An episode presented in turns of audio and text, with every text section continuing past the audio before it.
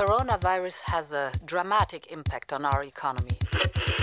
As we know, there are known knowns. There are things we know we know. Uh, we also know there are known unknowns. Build back better, bla bla bla. Green economy, bla bla bla. In diesem Sinne kann ich sagen, ja, äh, wir sollten alle Feministen sein. This footage from Al Jazeera purporting to show Taliban fighters inside the presidential palace declaring the Islamic Emirate of Afghanistan. I have a peculiar medical condition, which is that I don't sweat. I think it's a filter. It, And the- it is, and I don't know how to remove it. Not, I'm not a cat.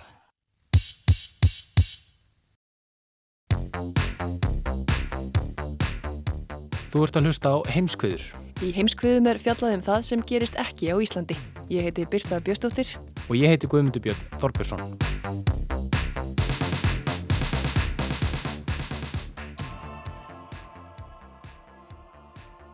Í þessum loka þætti heimskviða þetta missirið fyrir við með ykkur út um allan heim. Þátturinn verður þó með óheðbundnu sniði í dag og leiðangurs stjórin er ekki að vera endanum. Nei, eins og okkur er tíðrættum fjalla heimskviður um það sem gerist ekki á Íslandi. Og við Guðmundur Björn erum þó á Íslandi og þátturinn er framleitur hér þó viðmælendur okkar komi víða að. Já, sinna umfjöllunum erlendar fréttir, það getur verið snúið þegar maður er svo fjarrri umfjöllunar efninu en það er einhvað síður mikilvægt. Já, en blessunlega fara fréttamenn rúf erlendis öðru hverju í fréttaferðir en það er þó til ein tegunda fréttamennsku sem snýra erlendum fréttum sem er nokkuð sjaldgaf hér á landi. Viðmæland okkar í dag vil þó ekki láta kalla sig stríðs fréttareitara en óhætt er að segja að engin íslenskur fréttamaður hafi staðið jafnóft í eldlínunni út um allan heim eins og áhörundur fréttarúf þekkja vel. Viðmælandi okkar í dag heitir Jón Björgvinsson. Ég byrjaði í þorskastriðinu. Það var mitt fyrsta stríð. Ég var, ég var stríðsfréttaritara, bara rúf í, í þorskastriðinu því ég var við nám í, hérna, í kvikmyndagerði í, í Breitlandi þegar, þegar þorskastriðið var. Jón Björgvinsson, fréttaritar útvarfsins í Lundúnum, segir nú frá fréttaflutningi breskra fjölmiðla af landhelgismálinu undanfarna daga. Sendiráð Íslands í Lundunum og breska varnamálaráðunitið hafa undanfarið sendt út nær samtímis lýsingu sína á árastrunum á Íslandsmiðum. Þá var hérna, kom Ólaf Jóhannesson til London og var að, að hérna, það voru samlinga viðræður í gangi og ég var þá svona nýbyrjar sem hérna, svona ykkur, ykkur svona smá fréttarittari fyrir Ríkisúttarpi. Jón hefur starfað sem fréttatökumadur í Sviss í áraraðir en hefur samhliða því verið fréttareitari rúf víða um heim. Já, víða um heim eru engar ríkjur. Jón hefur flutt okkur fréttir frá ótrúlegustu stöðum. Frá Sómalíu, Írak, Afganistan, Jemen, Kólumbíu, Nepal og Íran. Ég hef svo margóft tekið eftir því að, að á staðnum lítur heimurinn svolítið öðruvísu út en úr fjarlæð. Eftir því sem fjarlæðin eikst, sem sagt breytist myndin og hún breytist í þá átt að aðstæður verða svolítið svartkvítar. Frá mið Afrikulíðaldinu, Pakistan, Sýrlandi, Tjad, Indonésiu og Mali.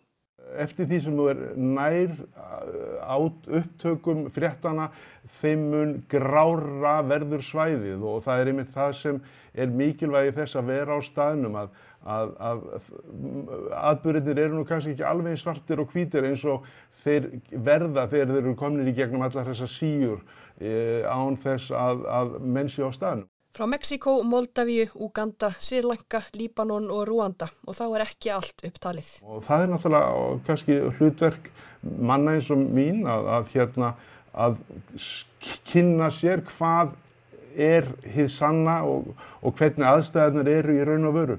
En þá fylgist hann líka með kostningafundum Donalds Trump og var nýkominn frá kvikmyndaháttíðin í Cannes þegar heimskuður rættu við hann. Á ykkur tímaskeiði náttúrulega vil ungur maður ferðast um heiminn og, og hann kemst að því náttúrulega eins og menn vita að þú ert svolítið bundin að þínu tungumáli þegar þú ert fréttamaður og hérna með því að skipta bara pennanum út fyrir kvikmyndatökuvél þá náttúrulega var svo hindrun úr sögunni og síðan hef ég bara verið að ferðast um heiminn og hérna verið að mynda fréttir hvar sem þær gerast. Það er ekkit endilega stríð og ég hef nú oft verið að berjast gegn þessari þessari hérna, nafngift að vera eitthvað stríðsfréttarittari. Ég er bara fréttamaður eins og allir aðrir og, og er, er, sagt, fer ofta á vettvang heims fréttana, hvað sem það eru styrjaldir eða, eða það getur verið hvað sem er annað.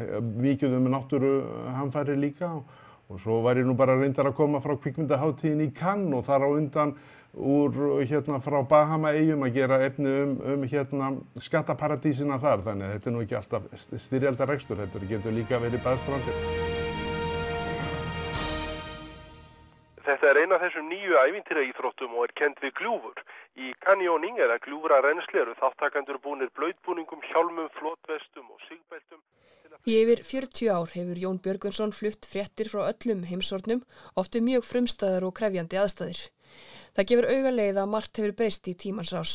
Já, ég hef oft verið að hugsa til þess að í gamla daga þá var að talað um að maður þurfti að, elda, að vera að elda fréttinnar, að eldast við fréttinnar en það er gengur valla lengur þegar að fréttina byrta samstundis á samfélagsmiðlum.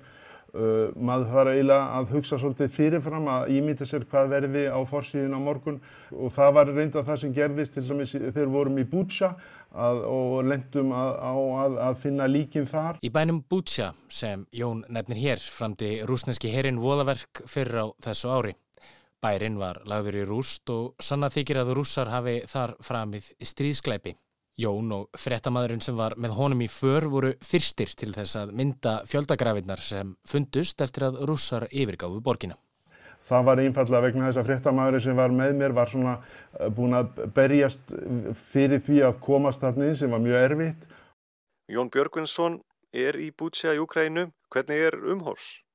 Já, núna þegar inndrafsa herrin er, er farin, þetta er fimm vikur, þá koma þessar skerfilegu hörmungar í ljós og hérna í Bútsja í þessum 25.000 mann. Hann var að ímynda sér að ef rússar fara úr, úr, frá Bútsja þá verði mjög frólægt að sjá hvað þeir eru að skilja eftir sig og þess vegna vorum við fyrstir á staðin til að mynda þessi frægu hérna hriðiverk þar á lík, líkjandu um alla götur og annað.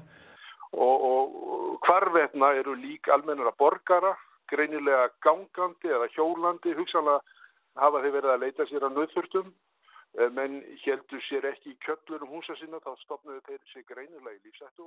Jón segir það hvorki tilviljunni hefni að ná slíku myndum. Heldur er þetta bara mikil vinna að vakna fyrr en aðrir og við vorum bara fyrr á ferðin en aðrir þennan morgun og svo þegar við vorum að klára okkur að mynda þessar hörmungar hérna í Bútsa þá þá var alltaf fyllast af fréttamönnum en þá vorum við búin að, að, að senda okkar efni frá okkur.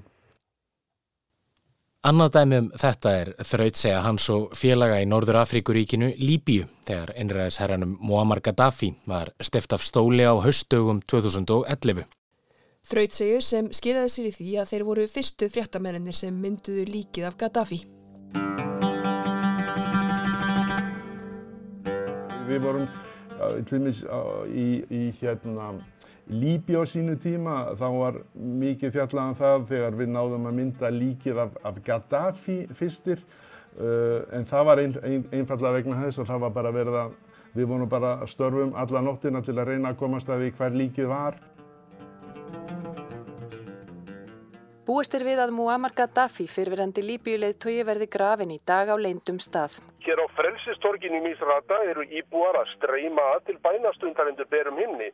Það voru herrmenn frá Misrata sem verið hafa hvað herskáastir í þessu áttamannaða stríði, róttunar eins og Gaddafi nefndi þá, sem að lokum dróu leiðtógan særðan út úr skolpræsi í heimabæ hans Sirt. Eftir að hafa tekið hann að lífi... Uh, þetta er ekki einingu setni, þetta er bara ofta, ofta tíðan bara tölfur mikil vinna uh, og er kannski hefni líka því að þá var, uh, það voru flesti frettamenn sem veðjúða það að líki er þið flutt til Sirt heimabæjar Gaddafís en frettamæður sem var með mér og, og hérna eftir, eftir að við vorum að velta þessu fyrir okkur ákvaðu við frekar að taka hinsjensin að ímynda okkur að, að hérna þeir sem voru búin að handtaka Gaddafi og hugsanlega Mirvan hefðu frekar farið með þessa verðlaunagrip til sinnar síns heimabæjar sem var Misrata og þar fundum við Gaddafi uh, lokaðan inn í, í hérna einhverjum uh, flutningagám á sínu tíma. Bæjarstjórin sem flutti lík þeirra feðga var óspar á að hleypa íbúið þessara bæjar sem það harðast hefur orðu úti í átökum undanfarnar mánuði til að virða bráðina fyrir sér. Ég vildi bara sína þeim að öllu því blóðu og öllu þeim lífum sem hefur verið fornað á undanfarnum mánuðum var ekki fornað til einskis. Þetta er Jón Björgvinsson í Mísrata í Líbíu. Jón nefndi á þann samfélagsmiðla og hraðan í miðlun frétta í dag. Þótt margt hafi breyst, segir hann þó mikilvægt að skipta ekki þeirri tækni út sem virkar. Til dæmis í úgræðinu þóri ég ekki öðrun að taka með mér gömlu græðina sem hann har reynst mjög vel í áratvíi. Það er segja bara stór gerfinhætta loftnet því að ef símakerfið brest og ef ekkert internet verður á svæðinu sem er náttúrulega maður alltaf að óttast það þá, þá er þetta að grípa til gerfinhætta sendingar og við erum líka yfirleitt alltaf með gerfinhætta síma með, með ferði sem er algjörlega óháður símanettis svæðisins.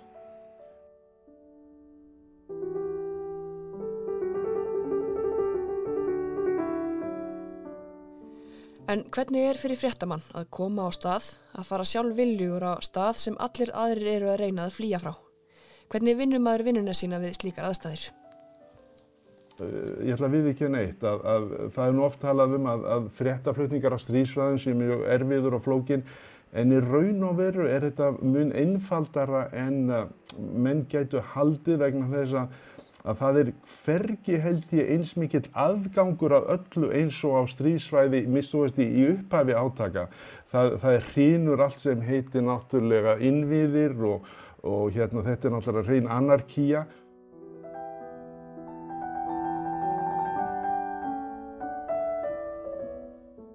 Og á þessari náðarstund sem er svona upphaf átaka eru menn mjög uppteknir af flestu öðru en hvað við erum að gera og þú hefur svo gífurlega, þú getur, eins og við vorum að tala um Gaddafi áðan, þetta var, Líbia var náttúrulega algjörlega lokað land og allt í henni þegar hann er fallin frá og þessi átök hefjast þá bara veður þarna inn eins og, eins og þú eigir heima þarna um hallir, getur verið að gramsa í, í höllum, brefa á skriftum sem hann hefur verið að skilja við sig og, og, og þú lappar inn á lauruglustöðar, tala við fanga í, sem er losna úr fangilsum, þú, þú ferð inn á sjúkurhás, getur lappað þeir inn og séð það sem er verið að, að græða sár, hérna, hermanna og annað. Þetta er ákveðið skeið sem er í upphaf átaka síðan náttúrulega eins og í, eins og í Líbíu og, og í Sýrlandi líka. Þá fara náttúrulega alls konar önnur öll að taka yfir og þetta verður meira á minna ringulreið og hérna þá verður erfiðara fyrir fréttamenn að aðtatna sig. Jón nefnir hér Sýrland en Jón var tíður gestur á sjónvarpskjám landsmanna bæði arabíska vorinu 2011 og þegar borgarestyrjöldin í Sýrlandi hófst.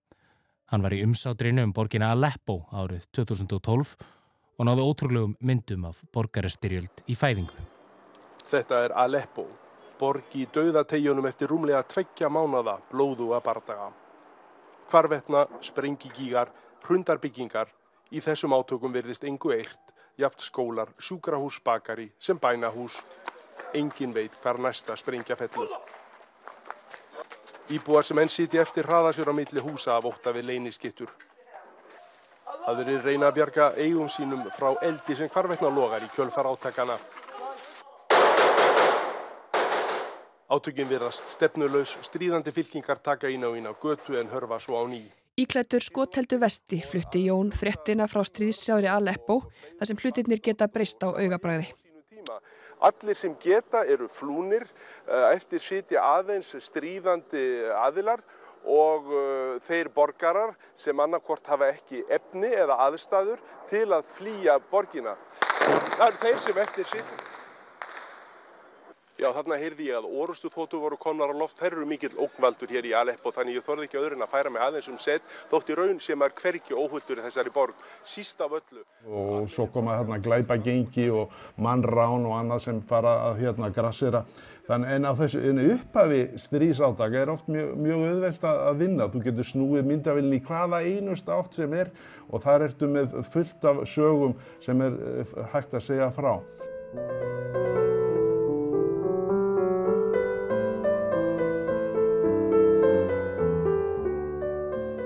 Menn eru oft einblina svolítið á hættur og hræðslu uh, þegar við verðum að tala við mig og spyrja mig um, um störf á þessum svæðum.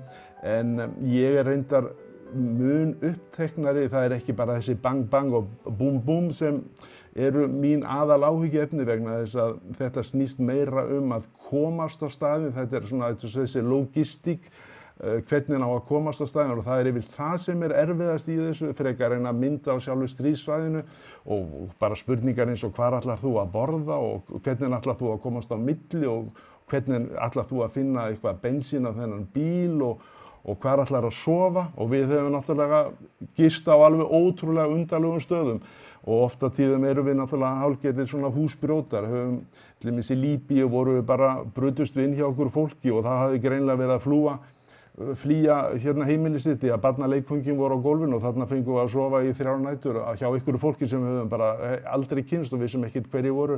Stundum höfum við sofið í fangelsum, stundum höfum við sofið á gólfi sjúkrahúsa. Eh, það er þessi þáttur og svo náttúrulega teknilegi þátturinn, spurningin er hvernig í óskopunum ætlar að koma þessi etni frá þér og eins líka það að maður er náttúrulega manni vantum tækin sín, maður er að reyna að koma í veg fyrir að þau brotni eða verði gripin eða stólin eða og svo náttúrulega snældurnar eða efni sjálf að það verði gert upptækt. Það gefur auga leið að það getur verið erfitt að aðtapna sig í slíkum aðstæðum. Jón var til að mynda nýverið í bænum Lukjanvíka, skamt frá Bútsja, þar sem rússar höfðu skilið eftir sig slóð eðileggingar. Þar mótti litli muna að illafæri, en vinnveittir Hermann komi Jóni til bjargar. Ég ætla að fylgja Míkola heim til að skoða ástandið í húsinans. Stopp! Jón, stopp! Stopp! En ég sem betur fer stöðvaður á því ég geng beintinn á jærssprengisvæði. En hermenninir eru auðvitað ekki alltaf vinnveittir. Ég, ég man eftir, eftir brjáluðum hermanni í Júgrænu sem hérna held bissu að höfðin á mér og, og hérna og hrópaði í eirað á mér að vísu á, á, á, á rúsnesku uh, og, og það var tólkað af mínum hérna fixer eða okkar, okkar tólk. Maður, hann, hann sagði við mig, Jón, maðurinn er að segja þér og var að enda að hrópa, hann er að segja annarkort, lætun þú mig hafa allar þínar myndir sem þú varst að taka eða þá ég skýti eins og hund.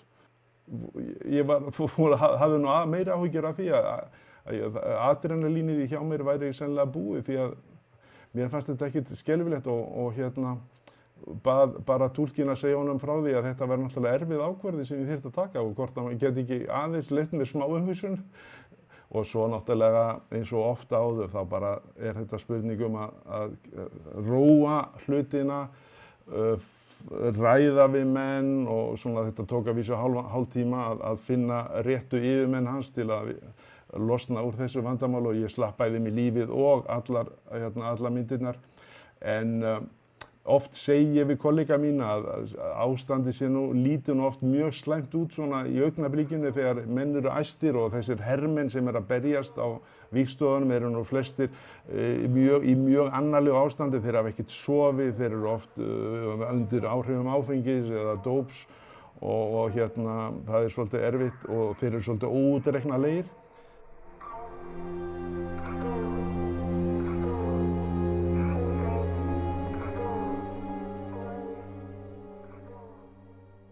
En, en oft segi ég við kollega mín að yfirleitt verður nú eh, lítun ástandið aðeins betur út kannski uh, eftir klukkustundu eða á morgun í síðasta lagi og ofta tíðum er þetta sem að fá myndirna sínur aftur ef þær hafa verið teknar upp, gerðar upptakar.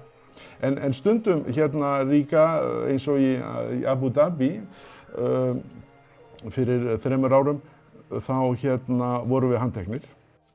Já, Jón Björgusson sem unnið hefur verið fyrir rúf í um ára bil var handtekinn í Abu Dhabi í vikun og haldi einangrunni í 50 klukkustundir.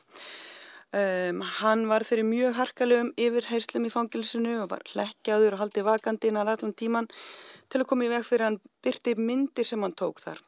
Kontur sæl, uh, Jón, hann er á línunni frá Sviss. Ertu búin að jafna þig eftir þessa lífsreynslu? Já, það var nú ekki bara fyrir en í gær að ég kom slagsins í sturtuna og, og, og svaf svo vil í nótt og þannig að nú er ég bara orðið nokkuð góðu formi og tilbúin að láta hann taka mig aftur held ég. Því að þetta er nú, svolítið, þetta er nú ekki óvanalegt í mínu Nei. ég er ekki dendilega ég er ekki dendilega að sækjast eftir því en þetta var nú starfið sem ég valdi mér og þetta verðist nú vera fylgifisku þessstundum Þú hefur oft verið handtekinn og þá einhvern veginn hafði ég haft á tilfinningunni því að við vorum aðeins að færa okkur alltaf upp á, á skaftið aðeins meira og meira fórnir að gera svolítið djarfir með að leita að verkamönni sem, sem eru náttúrulega í vinna við mjög erfiðar aðstæður og, og það er ekki ímynd sem Abu Dhabi er mjög hrifin af að, að við séum að mynda. Og ég hafði bara einfallega á tilfinninguna að, að það væri farið að þrengjast í kringum okkur ringurinn og þegar við ógum fram hjá DHL hérna postjónustinni þá bara sagði ég við kollega mín að það væri nú vissar að kannski að senda það efni sem við vorum búin að ná uh, frá okkur og, og hálf tím eftir að ég var búin að senda það frá mér þá vorum við handteknir og, og, allt, og allar græjur okkar ég teknar hérna uh, gerðar upptækjar og þær hafa aldrei fengist aftur, hvorki tölfurni eða kvikmyndavilar annað, þetta allt, var allt tekið þarna af okkur í Abu Dhabi á öllum stöðum. En efni komst í öryggar hendur áður en að illa fór í því, því tilfelli?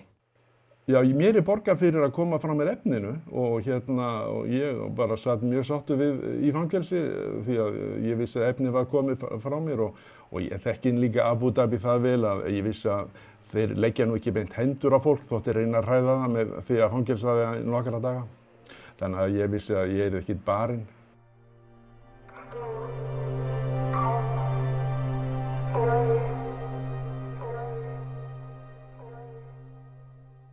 Í störfum sínum er Jón oftar en ekki á staðnum þegar að fólk er að ganga í gegnum sín verstu augnablík. En hvernig ber frettamæður sig að í slikum aðstæðum? Hvernig fær hann fólk sem er að upplifa sína mestu erfileika sem það mun þurfa að takast á við til að segja sögu sína?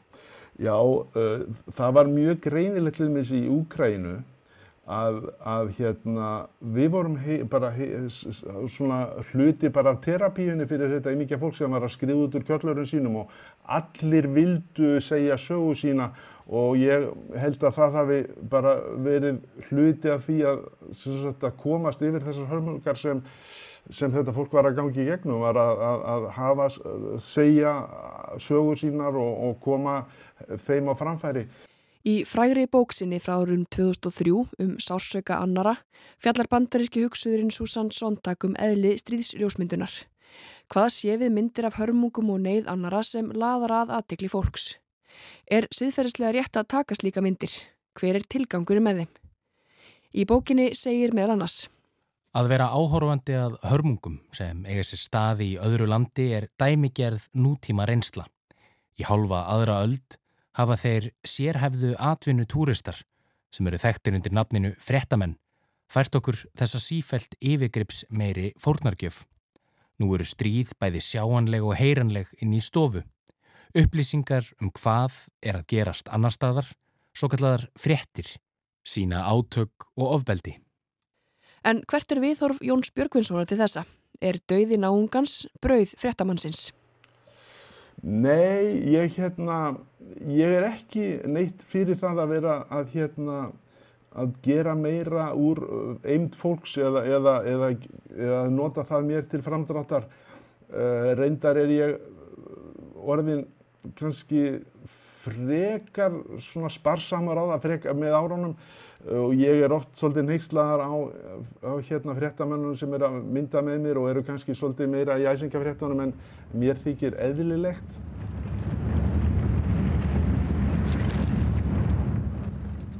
Við vorum í Kashmír, þar, var hérna mikill jarðskjálti um árið og, og hérna menn voru að grafa þar uh, líka ættingja sinna og, og, og mikið um, um, um að döðsföll, mikið hrigalegt ástand. Og fréttamæri sem var með mér, hann var bað þessar stúrku sem er okkar, við köllum þetta fixer eða það er þessu aðstof fólk okkar, það er yfirleitt oft bladamenn á staðnum sem þekkja vel aðstæður sem eru aðstóða erlendablaðamenn í svona tilfellum og náttúrulega tólka og hann var að baða hann um það að hvort hún gæti ekki fundið ykkur, hérna við, ykkur sem geti tala við okkur sem hefði kannski mist ættingja í, í, hérna, í þessum hörmungum. Og hún kom tilbaka um kvöldið svona nær gráti en, en hérna uh, og, og sæði okkur að hún hefði komist í samband við mann sem hefði uh, mist bæði konu og, og konu sína og tvö börn í, í, hérna, í þessum hamförum og frettamæðurinn hérna hrópaði upp fyrir sig og kista hann og sagði frábært, frábært. Og ég sagði við elsku Fílip minn hérna, tókst eftir því hvað þú varst að segja við konuna?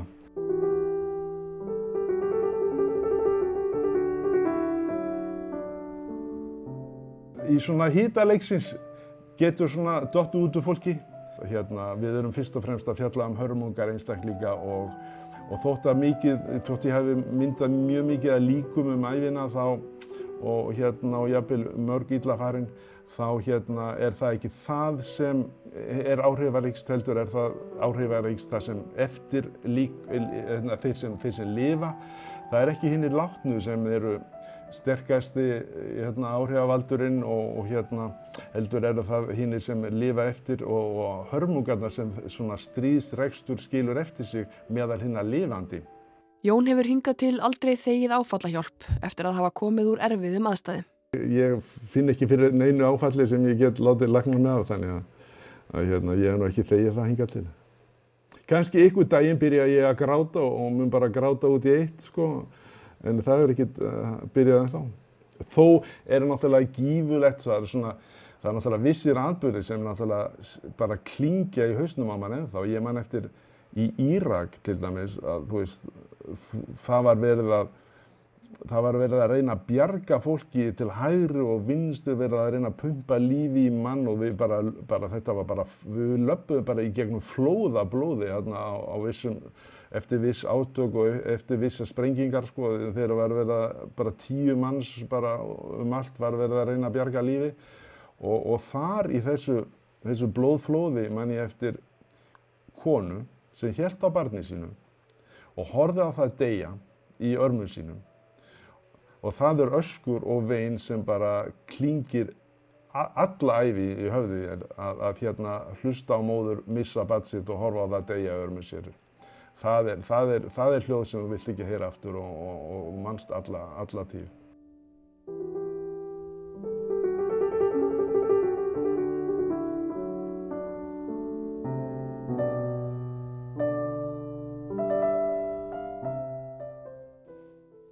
Jón gerir ekki mikið úr áhrifunum sem sannarlega ótryggt vinniumhverfið býður upp á.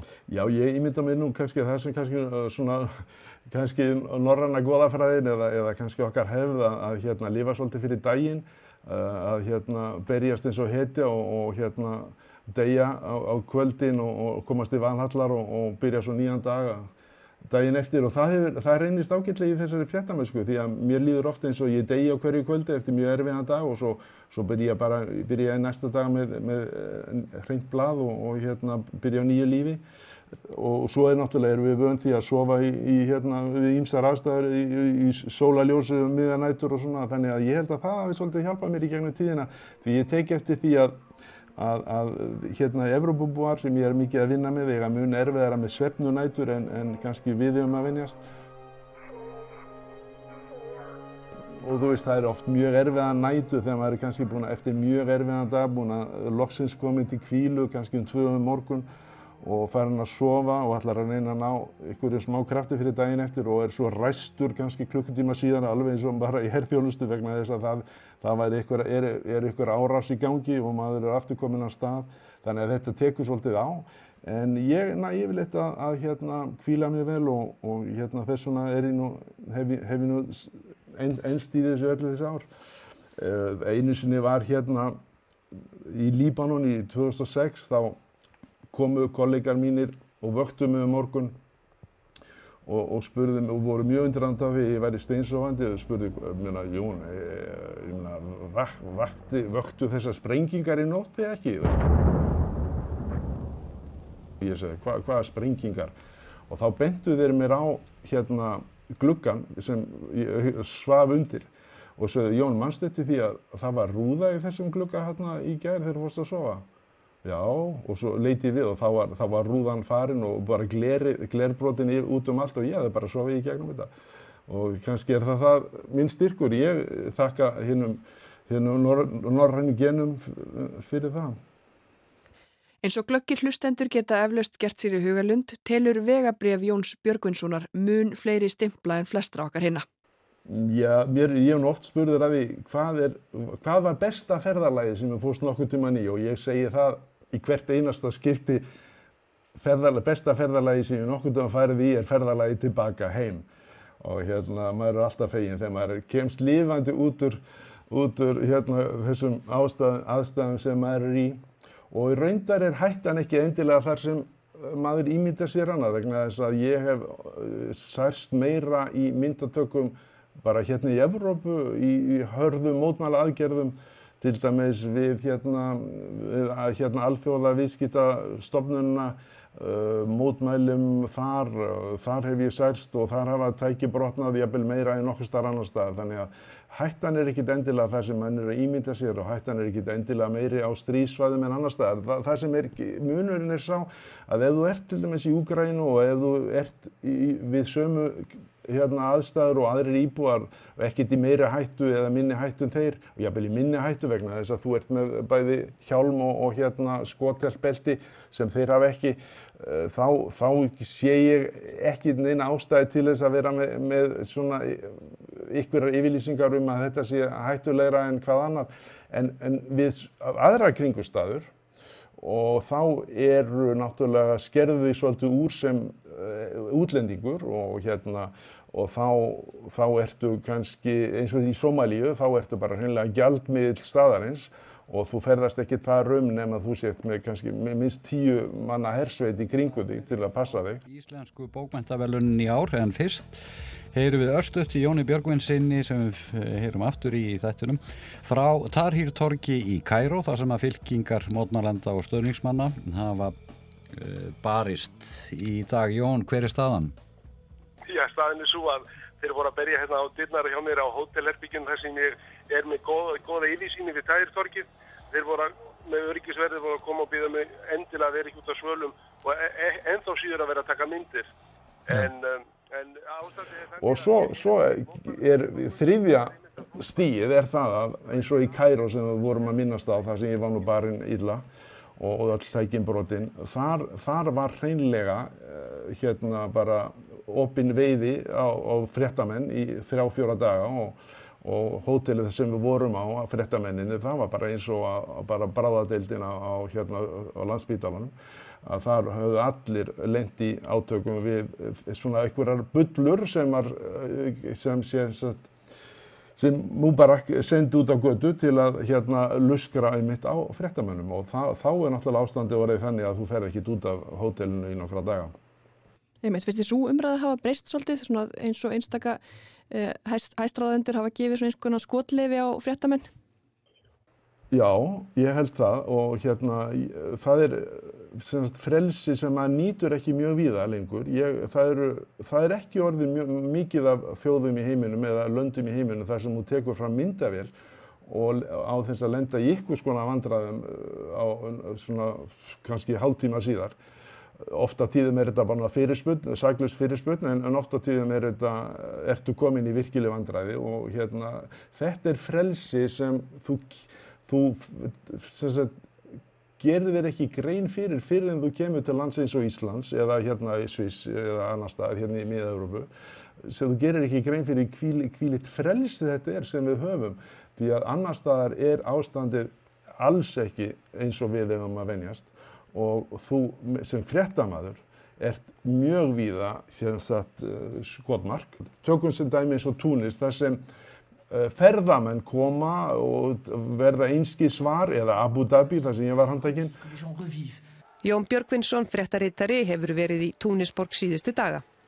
Spurningin er hvernig þetta endar. Eiga menn vona á öflugri mótmælum til að knýja fram róttækari breytingar eða dugar þjóðstjórnin til að læja öldurnar?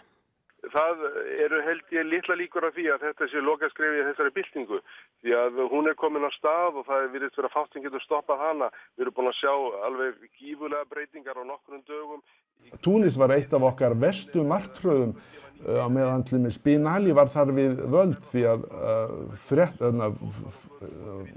ferðamenn komu þangað og voru alg, mjög ánaði með dölina en sem frettamæður varstu stí, sífelt eldur verið að hérna, yfirherra þig, handtaka þig, taka þér tækin uh, og því miður verist Túnis svolítið verið að, að hérna, renna í þetta fara aftur.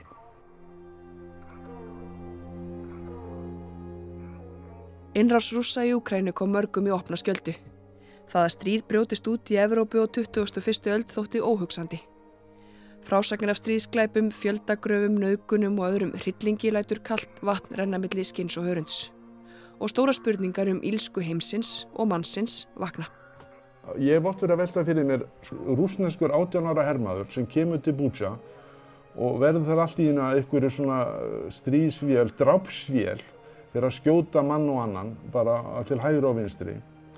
Þetta er náttúrulega eitthvað, eitthvað sem er búið að framleiða en verður ekki til á auga bræði. Þetta er, eitthvað, þetta er, þetta er framleiðsla kervis, áróðurs, uh, upplýsinga óreiðu sem er búið að búa til á, á mörgum árum og undirbúa fyrir þetta.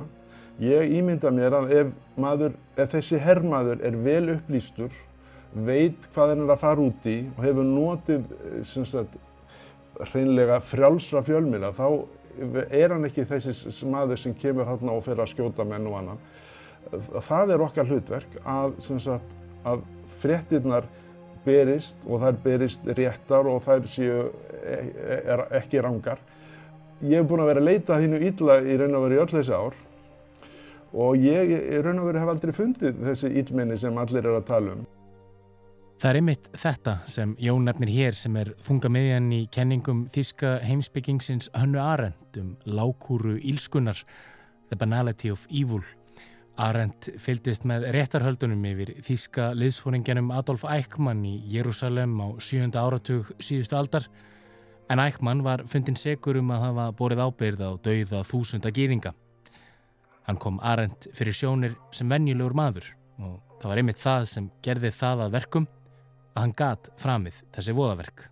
Hann var að hlýða skipunum. Það jafnvel þegar maður sem heldur bissu að, að hérna gagnu hann á mér og hótar að drepa mig, ég svona ykkur neginn ímynda mér að hann sé kannski eh, fa fadur og góður fadir, hann sé bara í ykkur annarlega ástandi þessa stundina og það sé hitt góða í honum sé kannski meira en hitt illa. Vegna þess að því illa uh, er held ég mun auðveldara að að hérna móta og hérna ég held, ég held þrátt fyrir alla, all, alla þessar hörmökar sem ég horta upp á og, og lifaði í gegnum þá ímyndaði mér alltaf að hefði góða sé nú kannski ríkara í manninum en, en hefði ítla en aftur á móti er mjög, auð, mjög auðveldara að móta hefði ítla með raungum upplýsingum með sem sagt bara upplýsingaóræðu og, og áróðri og hversu oft hefur maður séð og kynst þjóðum sem hafa búið í sátt og samlindi, Vi, við getum tekið bæði Kosovo, við getum tekið Rwanda og jafnvel það sem var að koma nýlega uh, með Afríku líðveldi þar sem fólki voru bara nágrannar lifið í sátt og samlindi þátt fyrir ólík trúabröð og óryggan uppduruna, jafnvel ólíkan húlit og síðan með fölskum frettum, með hreinlega áróðri og í pólitískun tilgangi þá er þessu fólki allt hvort, hvort, hvort upp að öru og, og hérna úrverðu styrjöld og blóðsutillingar og, og hörmungar eh, meðal fólk sem hafði ekkert út af hvort hann að setja. Það var þessi áróður hófst og farið verið að beita honum í pólitískun tilgangi og það er einmitt það sem við erum að horfa upp á í Úgrænu. Það er, er ekkert píti fyrirstöða að Úgrænumenn og rústari lifi í sátt og samlindi þanga til bara það er farið að beita þessu í pólitískun tilgangi að eitja því hvort, upp, hvort gegn öðru.